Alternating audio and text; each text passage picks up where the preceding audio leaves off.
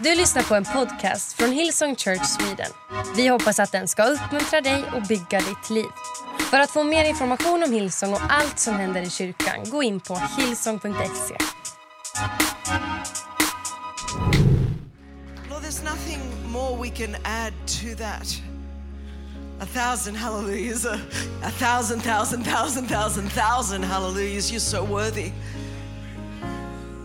And Father, I thank you for your presence in this house and Lord, all over Sweden and Norway. And Father, people have been texting me from Denmark and all over the world that people are tuning in. But Lord, I believe that your presence is as powerful in, in, in every place. People's living rooms right now and gatherings of 50 around the place. I just want you to know, you know, I, I started this year, I was in a, a big arena in America. There was, in that time, no restrictions. So we had 60,000 people in a room, a little bit more than the 50 that we've got here. But can I just tell you that the presence of God in here is as powerful as any moment I had in that arena just a week ago, a week and a half ago. And so I'm believing God wherever you are.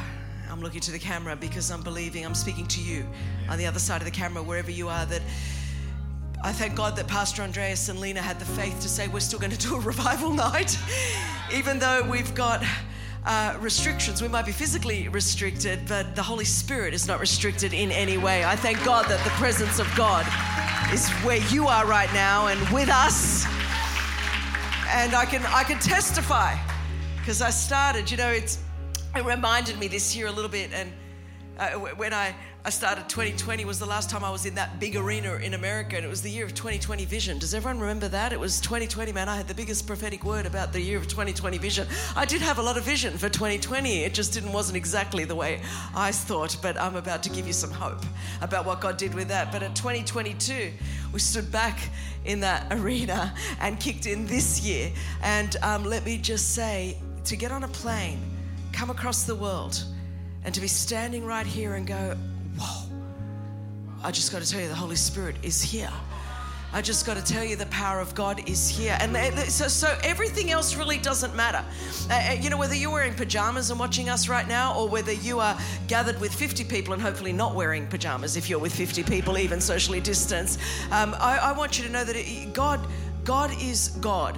And that means that wherever you are now, if your body needs healing, that the Holy Spirit can touch you right now and bring healing to your body. In fact, right at this moment, wherever you are, in this room and all of our other locations and anywhere you are in the world, if, if you are experiencing sickness in any part of your body, I want you just to put your hand on that part of your body, wherever you might be. I just have such faith. Let me just say the presence of God is so palpable right at this moment. And so, Father, I pray, Lord, your word says it's not by might nor by power, but by your spirit. And so, Holy Spirit, do what you do in this moment. I pray that you would heal bodies. Father, every sickness and disease would shrivel up and die. Lord, in the name of Jesus Christ, Lord, I speak healing. Father, that pain would be gone from people's bodies. In this moment, Lord, wherever they are right now, touch them, I pray in Jesus' name. I literally feel a flow happening. I feel a flow happening. I don't know how we've set this up. I forgot to ask Pastor Andreas, so I don't even know if we've got a chat happening. If there's a chat happening and God's touching your body, I want you to put that in the chat right now. And I want you to give it. You say, why would someone do that in the middle of a meeting? Because your your healing is going to bring faith to somebody else that needs faith being stirred up right at this moment. And I truly believe I truly believe that healing is flowing through people's bodies right now. In Jesus' name. In Jesus' name. Our hopes are rising. I think the word's going to bring that to you. But even now, you, some of you, you, you have not felt a glimmer of hope in months. And something something happened to you in the worship and you don't even know how to explain it. You're like whoa i'm on the other side of a camera or i'm in a room with with some people and we're all distanced and but let me just tell you there is no distance with the holy spirit of god. There is no distance. The power of god is not limited by what limits us in this realm and this may go down as one of the best revival nights we've ever had because we will know that we could do nothing in the natural to make this happen. But God was able to do exceedingly abundantly above and beyond anything any of us could ever ask, hope, or think. Because we can't rely on natural methods. I love this season. I love this season because nobody on earth will be able to say anything but God. But God because we can't use any methods to make anything happen because anything we plan changes overnight. And I love that. I do because either God's God or God's not. And I've been coming to Sweden for 20, this is my 24th year. This is, I think, almost my 24th January. I don't know if I've come every January, but a lot of those have been January. That's how much I love you. I come in January. No one comes to Sweden in January unless you have to come in January.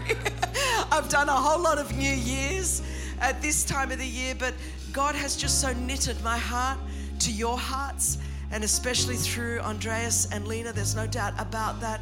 I love Scandinavia, I love this part of the world.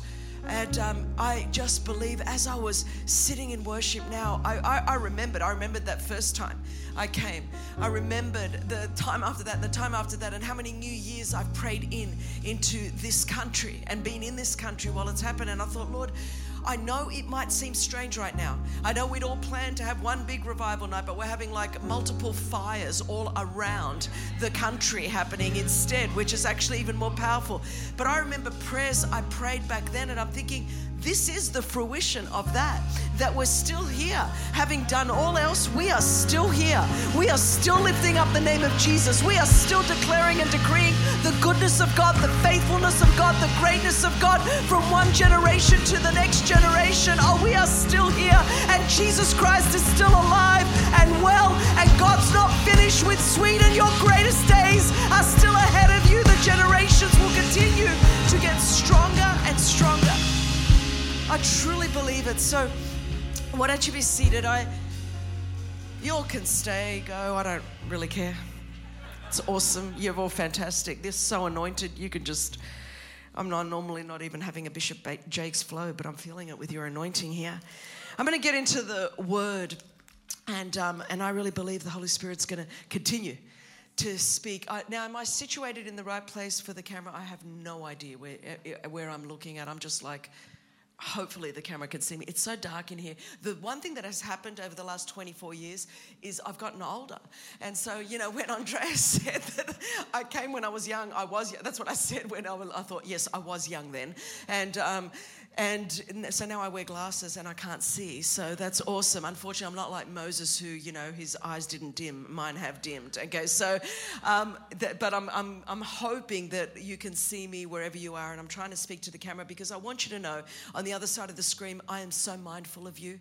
Uh, the one good thing that has happened over the last couple of years is I've learned to talk to you uh, wherever you are watching now. And I feel like you are here um, as much as I'm right there. And the good news is that the Holy Spirit is with us all. Now, we're going to dive into the word. Some of you might freak out. January 2022 about what I'm about to read, but track with me because I feel that the Holy Spirit's going to speak to us. If you've been, some of you have walked with the Lord for a long time, you're going to start freaking out as soon as I start reading because you're going to be like, I, I can't. Um, Christine Caine has what? Like, what has happened to her? Okay, so so let's go from uh, Luke chapter 17, verse 20. Scripture says, being asked by the Pharisees when the kingdom of God would come, he answered them. The kingdom of God is not coming in ways that can be observed, nor will they say, Look, here it is, or there. For behold, the kingdom of God is in the midst of you. And he said to the disciples, The days are coming when you will desire to see one of the days of the Son of Man, and you will not see it. And they will say to you, Look there or look here. Do not go out or follow them. For as the lightning flashes and lights up the sky from one side to the other, so will the Son of Man be in his day. But first, he must suffer many things and be rejected by this generation. Just as it was in the days of Noah, so it will be in the days of the Son of Man.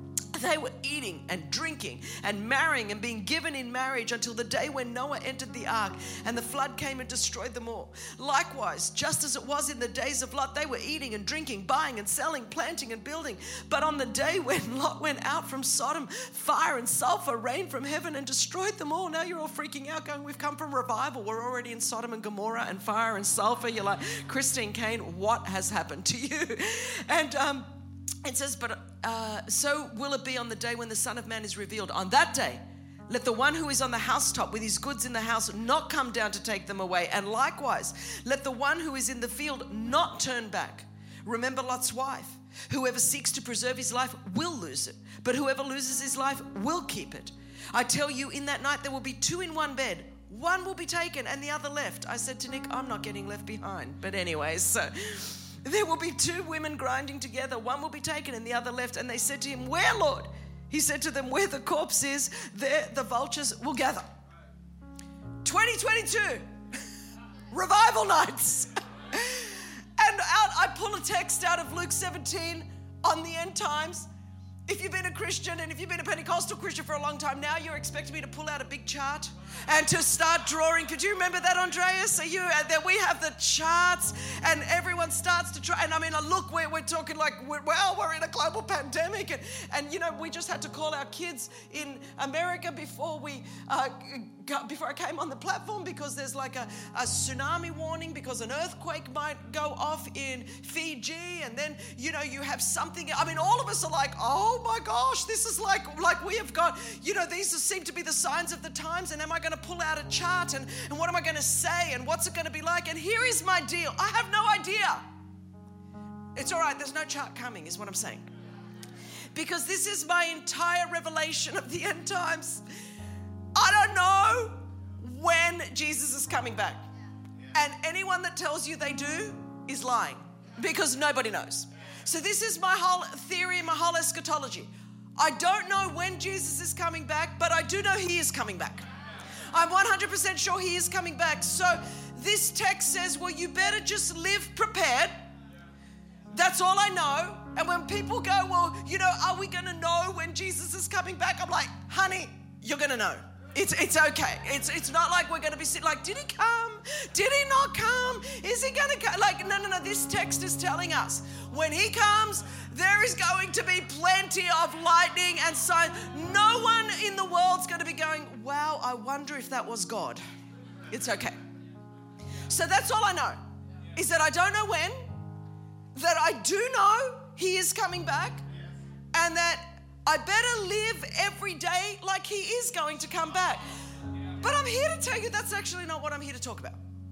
That's just the text. I'm only here to talk about three words in this text. I've come to Sweden to only talk to you about the second shortest verse, at least in the English Bible. The shortest verse in the English Bible, do you know what the shortest verse in the Bible is? That's right. And I'm sure that wherever you are watching me right now, all over, that you just answered like the brilliant three people in here answered and said the shortest verse is when Jesus wept. And that's really good because, you know, when if you grew up in church, it's always good to know when the, the teacher says, you know, what's the shortest verse in the Bible or what's, what's any verse in the Bible. My kids at Christian schools have learned Jesus wept. It's like they've memorized the whole Bible because they know the shortest verse. But the second shortest verse is right here in Luke chapter 17, verse 32. In the middle of this entire discussion, this discourse that Jesus is having about the end times, one that you would think, okay, look at the world we're living in, look what's happening all around us. It seems like these are the times we're living in. Right in the midst of that, Jesus drops these three little random words. He just says, Remember Lot's wife. I'm like, What? I mean, he's talking about the end times. He's talking about coming back. He's talking about the kingdom's already here. Jesus has arrived, but it's not fully here yet. It's going to come. And then he just says, like, remember Lot's wife and keeps talking. I'm like, okay. In all of the four gospels, there is only one woman that Jesus ever tells us to remember. Only one woman. In all of the gospels, Remember Lot's wife. Now, I'm thinking there's 170 women in the Bible. I do a lot of women's ministry, so I talk a lot about women. Now, I would be thinking if Jesus is going to tell me to remember any woman, he might say, Hey, remember Eve. I mean, she was the first chick. She came out of a rib. I mean, that was pretty dramatic. She ate the apple. You know, she's responsible for all of our problems. We all know that. You would have thought Jesus would have said, Remember Eve, because we seem to spend a lot of time in Christianity talking about Eve. We would have thought maybe, maybe Sarah. I mean, Sarah popped out a baby at 90. I mean, that's pretty awesome.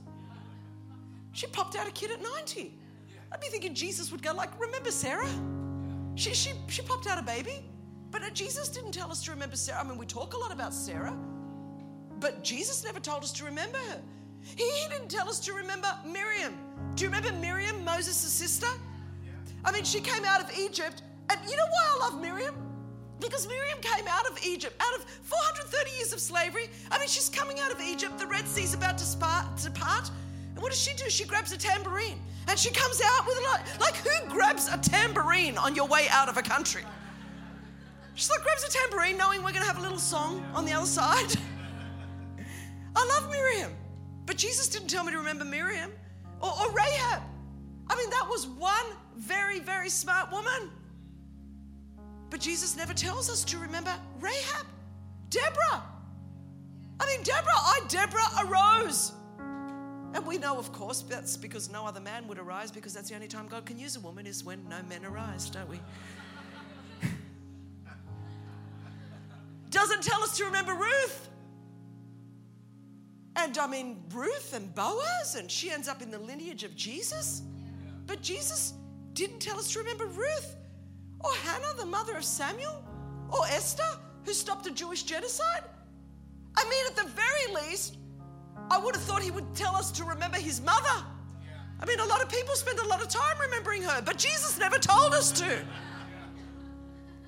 So, isn't it fascinating that of all of the women in Scripture, and we spend so many years and so much time talking about so many, there is only one that Jesus actually says, I want you to remember, and yet I guarantee you, whether you're watching me in another watch party or in this room, I guarantee you, you've never heard a sermon on Lot's wife. And yet, Jesus, who doesn't say that much that we have recorded in all of history uses three words to say, as things are starting to really heat up on the earth, as you are seeing signs of end times and I'm here, but things are starting to go crazy all around you, I need you to remember Lot's wife. And I would wonder in the world in which we're living, economically, socially, environmentally, physically, medically, Who? things are spiraling. None of us can control anything. None of us ultimately know what is going on. And in the midst of all of that, Jesus, I believe in this hour, is going, Hey, church, remember Lot's wife. This is an hour to remember Lot's wife. So that begs the question what do you mean, remember Lot's wife? Who is Lot's wife? The woman with the shortest biography in all of the world. What's your, what's your biography? Lot's wife. That's it. That's all we know. And then you go to Genesis 19 to, to look at Lot's wife. And then you start reading Genesis 19, and whew, it starts to get really messy. Do you remember when the two angels of the Lord came to Lot's house. And do you remember when the people came and Lot offers his daughters? I mean, it gets messy. Abuse and brokenness and pain. It's right there. I love that about the scripture. It doesn't try to sugarcoat anything. Pain, suffering, loss. It's always been there. And the angel of the Lord comes because he's saying to Lot, I'm going to rescue you and your family that the Lord's going to destroy Sodom and Gomorrah because there is just so much iniquity, there is just so much wickedness.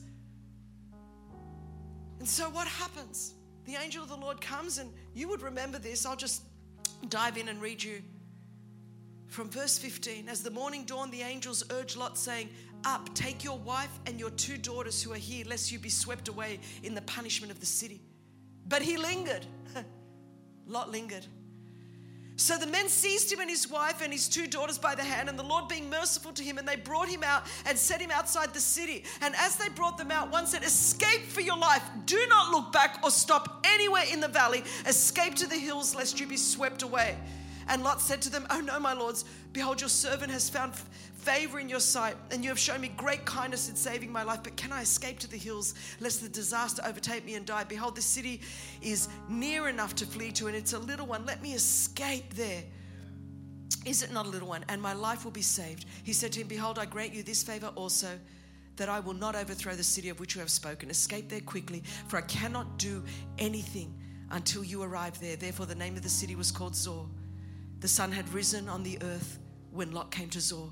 Then the Lord rained on Sodom and Gomorrah sulfur and fire from the Lord out of heaven. And he overthrew those cities and all the valley and all the inhabitants of the cities and what grew on the ground. Verse 26. But Lot's wife, this is the only thing written in, about her in the Bible. But Lot's wife, behind him, looked back and became a pillar of salt. That's all we know. Jesus in the New Testament says, Remember Lot's wife. We go back to remember, and it says, But Lot's wife looked back. I mean, the angel of the Lord came and took her by the hand, scripture says. I mean, she was literally touched by an angel. She was taken by the hand. The angel came, led her out of devastation and destruction and her family. And he only said one thing He said, Don't look back. But there was something on the inside of Lot's wife, something that longed for what was back there, something that lingered, wanting to see what was back there. There was something that, that had her attention back there, even though God had supernaturally come and rescued her from back there to take her into the future. She stopped, and the Bible says she turned into a pillar of salt. She became calcified. She got stuck in that place and hasn't moved since because she looked back. And I believe the word of the Lord for us in 2022 is don't look back. Don't look back for any of us. Don't look back and stay and be calcified. So many people are stuck longing for what was, lingering for what was. Oh, in 2020, what life was. Some people don't even talk about the last two years. It's like, well, in 2019, as if Jesus didn't come into 2020, or as if Jesus didn't come into 2021, or as if Jesus is not with us in 2022. It's time, church, to stop talking about our 20 2019 numbers or our 2019 states because Jesus is here with us in 2022 and we must remember Lot's wife and not linger and not long for what was. And so many of us, and you're watching me, stuck, stuck relationally, stuck emotionally, stuck spiritually You've been calcified into a pillar of salt, spirit, metaphorically speaking, because you're looking back, longing, lingering, wanting to go back. And the Lord's like, I've got you by the hand and I'm taking you forward. I'm taking you forward. And wherever He is, His promises, all the promises of God are in Christ Jesus, yes and amen. So we're not lost anything. Except for what? May needed to have been gone. Because what He's got for us is greater than anything that was behind. And the fact is that a lot of us are in this pivotal time. And yet we are stuck. We're in January 2022. But our emotions, our hearts, our longings, our affections, our dreams, they're stuck in 2019 before the pandemic when things were different. And we're stuck there. And we're stuck in our disappointment. And we're stuck in hopelessness and we're stuck in helplessness and we're stuck in offense and we're stuck in unforgiveness and we're stuck in bitterness and we're stuck in discouragement and we're stuck in disillusionment and we're like a pillar of salt that is stuck because we forgot Lot's wife.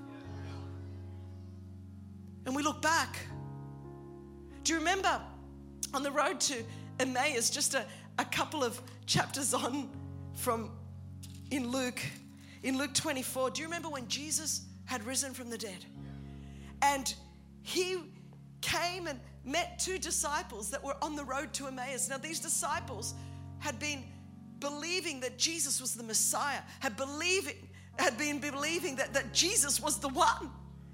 And yet they saw him crucified, buried, didn't know he'd been resurrected. And in that portion of scripture in, in Luke 24, on the road to Emmaus, that very day, verse 13, that very day, two of them were going to a village named Emmaus, about seven miles from Jerusalem. And they were talking with each other about all the things that had happened. While they were talking and discussing together, because a lot of us, whether it's on social media or with one another, we're doing a lot of talking and discussing with each other about what's going on. While they were talking and discussing together, Jesus himself drew near and went to them. But their eyes were kept from recognizing him. He said to them, What is this conversation that you're holding with each other as you walk? And they stood still looking sad. So many of us looking sad. Then one of them, named Cleopas, answered him, Are you the only visitor to Jerusalem who does not know the things that have happened there in these days? And he said to them, What things? Can you imagine Jesus? Like, what? What happened? Like, are you the only one that doesn't know there's a pandemic? Are you the only one that doesn't know that that, that there's, there's like a volcano about to erupt somewhere. Are you not the only one that doesn't know what's going on?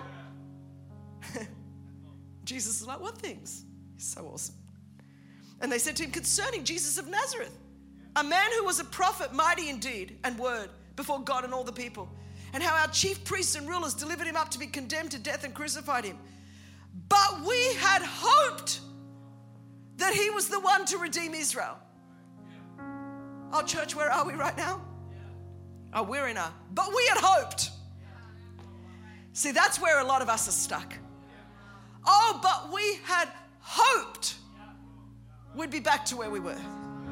But, but we had hoped that Jesus was going to come through in this way for us, you know, but, but we had hoped that the world would open up. We had hoped our business would be back to normal. We had hoped that our numbers would be back. Oh, we had hoped. And we're so disappointed and offended at God that we're not even seeing God who's standing right with us because we're longing and lingering for what is back here. But we had hoped. I wonder what it is that you had hoped. And what hope has been lost in the last couple of years. And you've become like a pillar of salt because you'd hoped. You'd hoped with one of your children. You'd hoped you'd be married. You'd hoped your marriage was going to make it. You'd hoped that disease would have been healed by now. You'd hoped that entrepreneurial opportunity would have led to something even greater. You'd hoped that you would have made it by now in that area. You you'd hoped that your church by now was going to be back and grown and exploded. And you'd hoped that that leader was going to make it. You'd hoped that the economy would be back. You'd hoped that air travel would be back. You'd hoped by January 2022 that we wouldn't be back in restrictions. We had hoped, a misplaced hope makes us long for what was. It makes us linger for being back there. And it makes us miss the fact that Jesus is actually right here with us. Do you not see the irony that they're talking to Jesus about their disappointment in Jesus? While Jesus is actually standing right there. So many of us are missing Jesus in our present moment because of where we had hoped we would be by now. What we had hoped would happen right now. We had hoped. And Jesus is right there. He he is the hope. And I think if there's one thing that He's wanted to show us in these last two years, church, is that um, He alone is our hope. Because if we put all our hope in other things, we will be disappointed. We will be discouraged. We will be disillusioned. And perhaps what has been, it has been an apocalypse of sorts. People are talking about apocalypse. But when I'm talking about that, I'm talking about what it really means a, a revelation. What has been revealed to us is perhaps the idols that we had in the place of Jesus, that we had hoped would come through for us. And we lost him, and we thought we lost Jesus. and Jesus is like, Really? I, I'm here. I'm just letting you know what you had your hope in, that you used to think was me. See, this is why this could be the most powerful revival we've ever had in Sweden. Because we can't make anything happen. And we were thinking one thing until five days ago, and then things changed. Welcome to 2022. And Jesus is like, I'm, I'm still here. My resurrection power is still here power to heal, power to save, power to deliver, power to redeem, power to restore. We had hoped even after all the restrictions, well, why do I get on a plane and come here? Because, because my hope's in Jesus. Not even in me or how we set everything up, it's in Jesus. So I'm going to get with 50 people that have got faith. Jesus doesn't even need 50. He says, hey, we're two or three. We're two or three. Oh, I, I'm there. And when I'm there, it's amazing what I can do wherever I am. That, that's all he needs. You know, when the pandemic first even hit, um, I remember that we had our, um, our meeting, like everybody else, at A21. We have offices all around the world. We have 19 offices in 16 countries around the world. And so the world was shut down. Nick and I couldn't travel like nobody could, especially March, April, May, June 2020. And so we would have meetings like most people that ran any kind of company around the world. Um, and we'd have Zoom meetings like we all do, and we would call it our upper Zoom room meetings. And so it would be the upper Zoom. I said to everyone, this is, this is the upper Zoom room right here.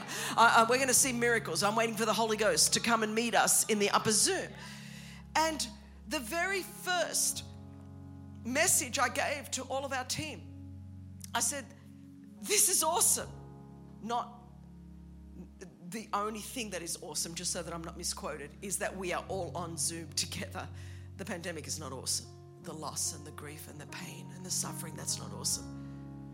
I said, but what is awesome is that right now, every single one of us across the world in all of our 19 offices are in exactly the same place.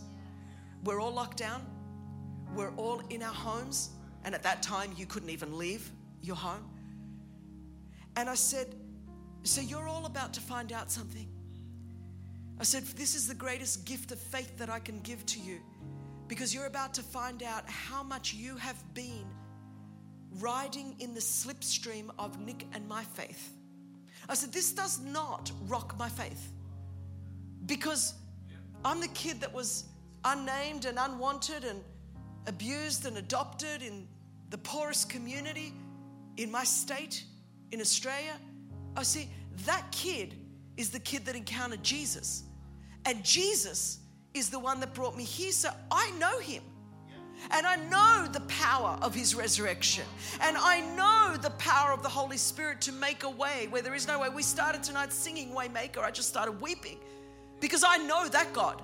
I, I, I, know you don't. I don't have to just sing about him. It, it's a revelation to me. I know the God that is a waymaker, miracle worker, promise keeper, light in the dark. I, I know that God. I know Him.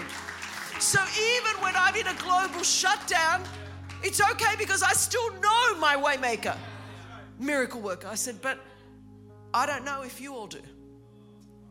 I said, so you're about to because the saddest scripture in the Bible for me is in Judges chapter 2, verse 10, when it says, When Joshua and his generation died, another generation arose that did not know the Lord, nor the works that he had done for Israel. I said, How could you come out of slavery, see the Red Sea part, see manna fall from heaven for 40 years, see the River Jordan push back, see, see the Jericho walls come down, possess all of the promised land, and leave a legacy of faithlessness in the next generation?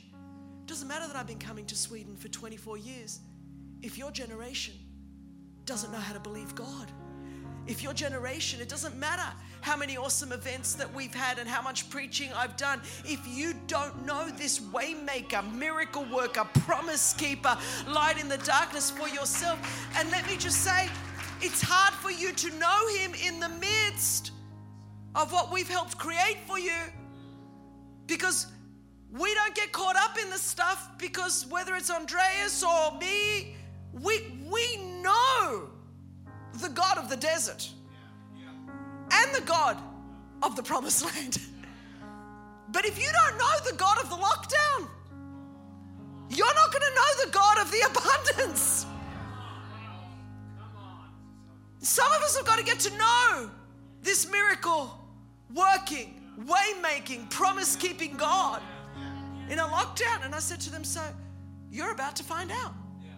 You're going to learn what it is to pray when you're in a lockdown and believe God for provision. See, I know how to do that because I've been to a lot of revival meetings for 40 years. I've learned to believe God. It was never this that did it for me, He did it for me. It was always Him that made a way. So when I enter into that, I'm entering into Him. I'm entering into Him. And so, in the book of Zechariah, the prophet wrote this in Zechariah chapter 9, verse 12 Return to your stronghold, O prisoners of hope. Today I declare that I will restore to you double. So I said to our staff, the children of Israel were 70 years in captivity in Babylon. They were prisoners. And I said, We are sort of prisoners right now. All of us, 19 officers around the world, all these countries, everyone is locked down. I said, So we can't choose that. We're prisoners. But although we can't choose the fact of whether we are prisoners or not, we can choose the kind of prisoners we're going to be. And as for us and our ministry, we, we're not going to be prisoners of despair or prisoners of unbelief, or prisoners of doubt, or prisoners of disappointment, or prisoners of disillusionment. We are going to be prisoners of hope. And he says, You will be prisoners of hope. The children of Israel have been prisoners in Babylon and they come back to Jerusalem after 70 years of captivity. And Zechariah, they thought they were coming back and that the temple was going to still be in the center and thriving like it was, and that the city walls would be protecting Jerusalem. But they came back and everything was the opposite. The temple was decimated, the walls were ruined, their enemies were surrounding them. They had hoped they were coming back. But they came back to everything broken and everything decimated and people scattered. And it's in that context the prophet says, You were once prisoners in Babylon, now be prisoners of hope. You're back, but be a prisoner of hope. And he says, And I'll restore to you double. And this is the first week that the pandemic happened in March 2020. And I got all of my staff, old school. I said, I want you to get a pen and paper. They didn't even know what it was because they're your generation. And so they had to go find one. And I said, I want you to write the word double on that. And I said, I want you to take that paper and stick it on the refrigerator because you're all at home and you're going to be in front of the refrigerator more than anything else for the rest of your lives, this now, while we're in lockdown. And I said, I want you to write the word double. And I said, I'm going to teach you now more faith than I've ever taught you by building A21 and building all the things that I do. I said, when we come out of this, we're going to see double. We're going to see double the amount of people rescued, double the amount of traffickers in jail, double the amount of partners in this, double. And can I just testify by the grace of God and the goodness of God, the mercy of God, and a miracle of God as I stand here in January 2022, almost two years since this whole thing has started, by God's grace on every metric, God has allowed us to double, double, double, double, double in everything. Why? Because God, even in a pandemic, is a waymaker, is a miracle worker, is a promise keeper. Even in the midst of wherever we are, it's the same God. And He's saying, Would you come And would you become a prisoner of hope? Did you put your hope in the wrong things? Did you think it was going to be methods or people or systems? But the Bible says in the book of Hebrews, Jesus is this hope we have as an anchor for our soul, both firm and secure. It always was Jesus, it always will be Jesus, and all the promises of God are in Christ Jesus. Yes and amen. The promise hasn't gone anywhere. Same promises that I learned to lay a hold of. My early days of faith preaching, whew, I still got them now. In a pandemic. In a pandemic. He's still faithful. He's still provider. He's still a waymaker. He's still a miracle worker. No matter what happens around me, I just get a choice. Am I going to be a prisoner of disappointment or disillusionment or discouragement, or am I going to be a prisoner of hope? Am I going to long for and linger for what was, as if saying somehow the best was back there? No, I'm going to remember Lot's wife. I'm not looking back. And for some of us, this revival night is the line in the sand for you. Don't look back. You're going to have to make a decision to draw a line in the sand. However hard it's going to be, and the enemy is going to try to play with your mind to make you look back, to make you linger and long for what was, and not to look back. You know, Hebrews 10 23 says, Let us hold fast to the confession of our hope without wavering. We're a people of hope, we're a people of faith. And we have the opportunity on the earth to bring hope to a world that is hopeless, to bring faith to a world that is faithless. We're having these revival nights because we're reminding us again, as the people of God, we're saying, God, revive us again. Let us believe you again that you are a God of hope, that you are a miracle working God, that you are a God that provides and make a way. That's why we're still doing them. Who cares if you've got to be separated? And yeah, would it have been great if we could have done what we planned? Yes. Is it still great? Yes. Yes. Because I'm looking forward. And as long as Jesus is here, as long as the presence of God's here and wherever you are. In Isaiah 43, the Lord says, Do you not perceive it? Behold, the Lord does a new thing. He's doing a new thing in our midst. But we are so longing for the old thing and to go back to what was that many of us are going to miss the new thing that God's doing. Because we're like, man, if we could just get back, just get back to 2019. If we, if we could just get, and God's like, I brought you through this so that you could actually see the new thing. And it's not going to be the same old thing, it's going to be a brand new thing. He says, Behold, I do a new thing. Do you not perceive it? The issue is most do not perceive it. But to go forward in 2022, wherever you're watching me, you're going to have to let go of the power of other people's opinions over your life. You're going to have to let go because, see, to lay a hold of the new thing, you've got to let go of the old thing. You're going to have to let go of some of you of shame and past failure in your life. You're going to have to let go of resentment, bitterness, unforgiveness. It's killing a generation. This cancel culture is killing a generation. We're so busy calling people out, we're no longer calling people up. And then we're wondering why. Why people are just full of shame and guilt and condemnation and anger and bitterness, and our social media feeds are full of garbage. Return to your stronghold, prisoners of hope. We're a hope filled people, we're a faith filled people, we're a grace filled people. The church of Jesus Christ ought to be the only place that you can't get canceled. This is where cancel culture should never touch us because Jesus canceled our sin and shame and guilt and condemnation on the cross. This ought to be the safe haven from cancel culture. Some of us are, we've got to let go of our comfort and our ease. See, the problem is with some of you is you like this pandemic. Not, not, the, not the actual disease. But you like the fact that you could take it easy now. You like the fact that, oh, maybe I don't have to get up on Sunday and go to church because I can just log on while I'm eating my Cheerios and just lie in bed. Or I don't really have to get about the mission of God or the call of God because, you know, pandemic. As if somehow it's on hold. With all this extra time, how much extra praying you doing? With all this extra time, how much extra fasting are you doing? Because you didn't have time to pray and fast before because we were so busy. Oh, but we've got Netflix to binge through, don't we?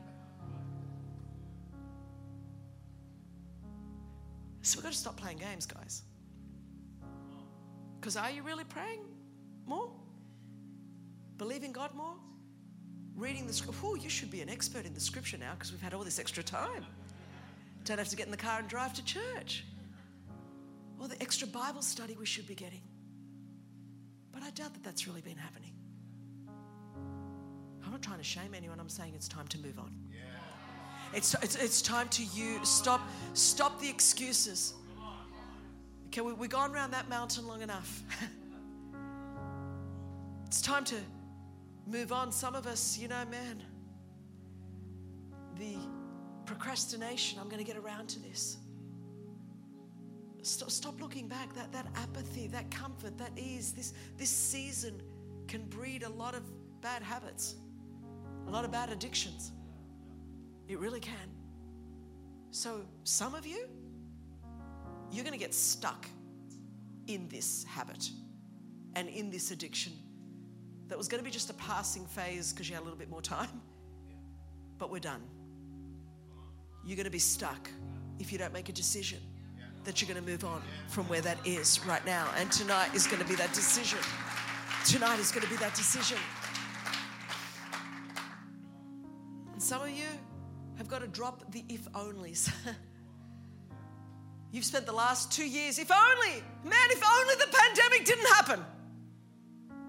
If only, if only I didn't lose my job. If only I didn't lose my mentor.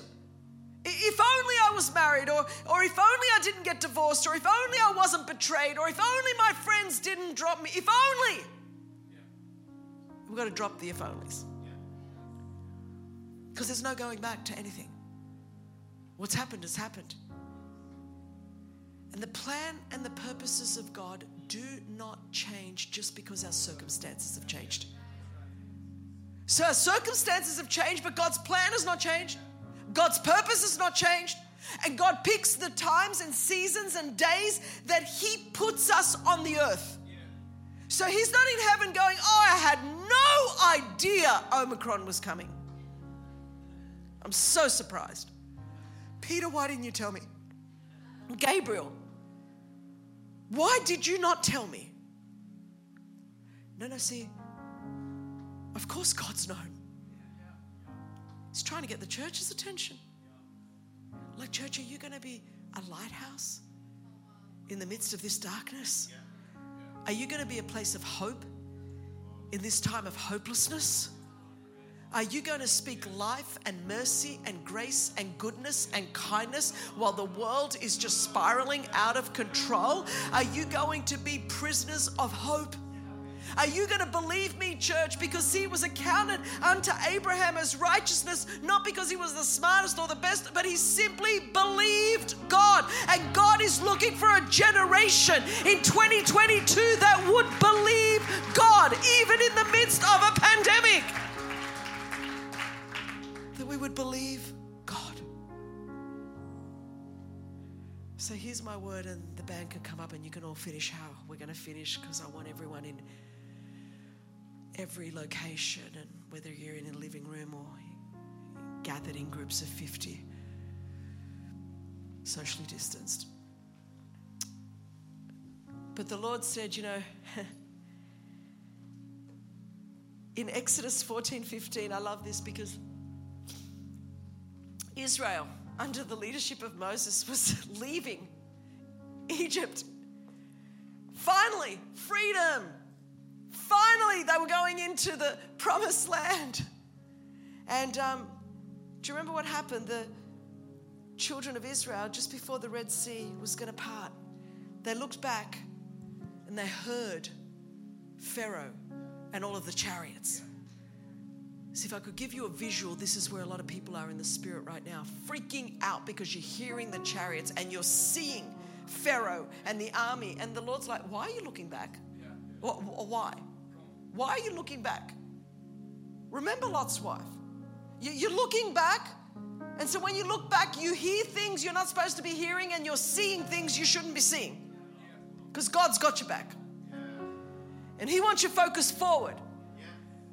And so as they look back and they see that coming and they're freaking out, the sight, the sound of looking back paralyzed them, paralyzed them. It turned Lot's wife into a pillar of salt. Some of you are uh, in the spirit paralyzed, a pillar of salt because you keep looking back. And so Moses is like, God, the people, they're complaining. They're complaining about this pandemic. They're complaining about everything and they're seeing all of the problems and they're seeing what this means economically and socially and morally and environmentally and physically. And, and he's going, Moses is going to God and he's bringing the complaints of the people to God. God makes me seem like Mother Teresa because the Lord in Exodus 14 15, this is exactly what he says. Then the Lord said to Moses, Why are you crying out to me. Tell the people to get moving. Tell the people to move on. Tell the people to move forward. So, Sweden, I've come here for revival 2022 22 to remind you of this simple thing. It's time to remember Lot's wife, and it's time to get up, eyes forward, get moving, look forward, move on. God is moving on. The promise of God is moving on. The purpose of God is moving on. The presence of God is moving on. Signs and wonders and miracles are waiting for us in our future. He is still a waymaker. He is still a miracle worker. His job is to do the impossible in Jesus name. Du har lyssnat till en podcast från Hillsong Church Sweden. Om du vill veta mer om vår kyrka eller om våra söndagsmöten surfa in på hillsong.se.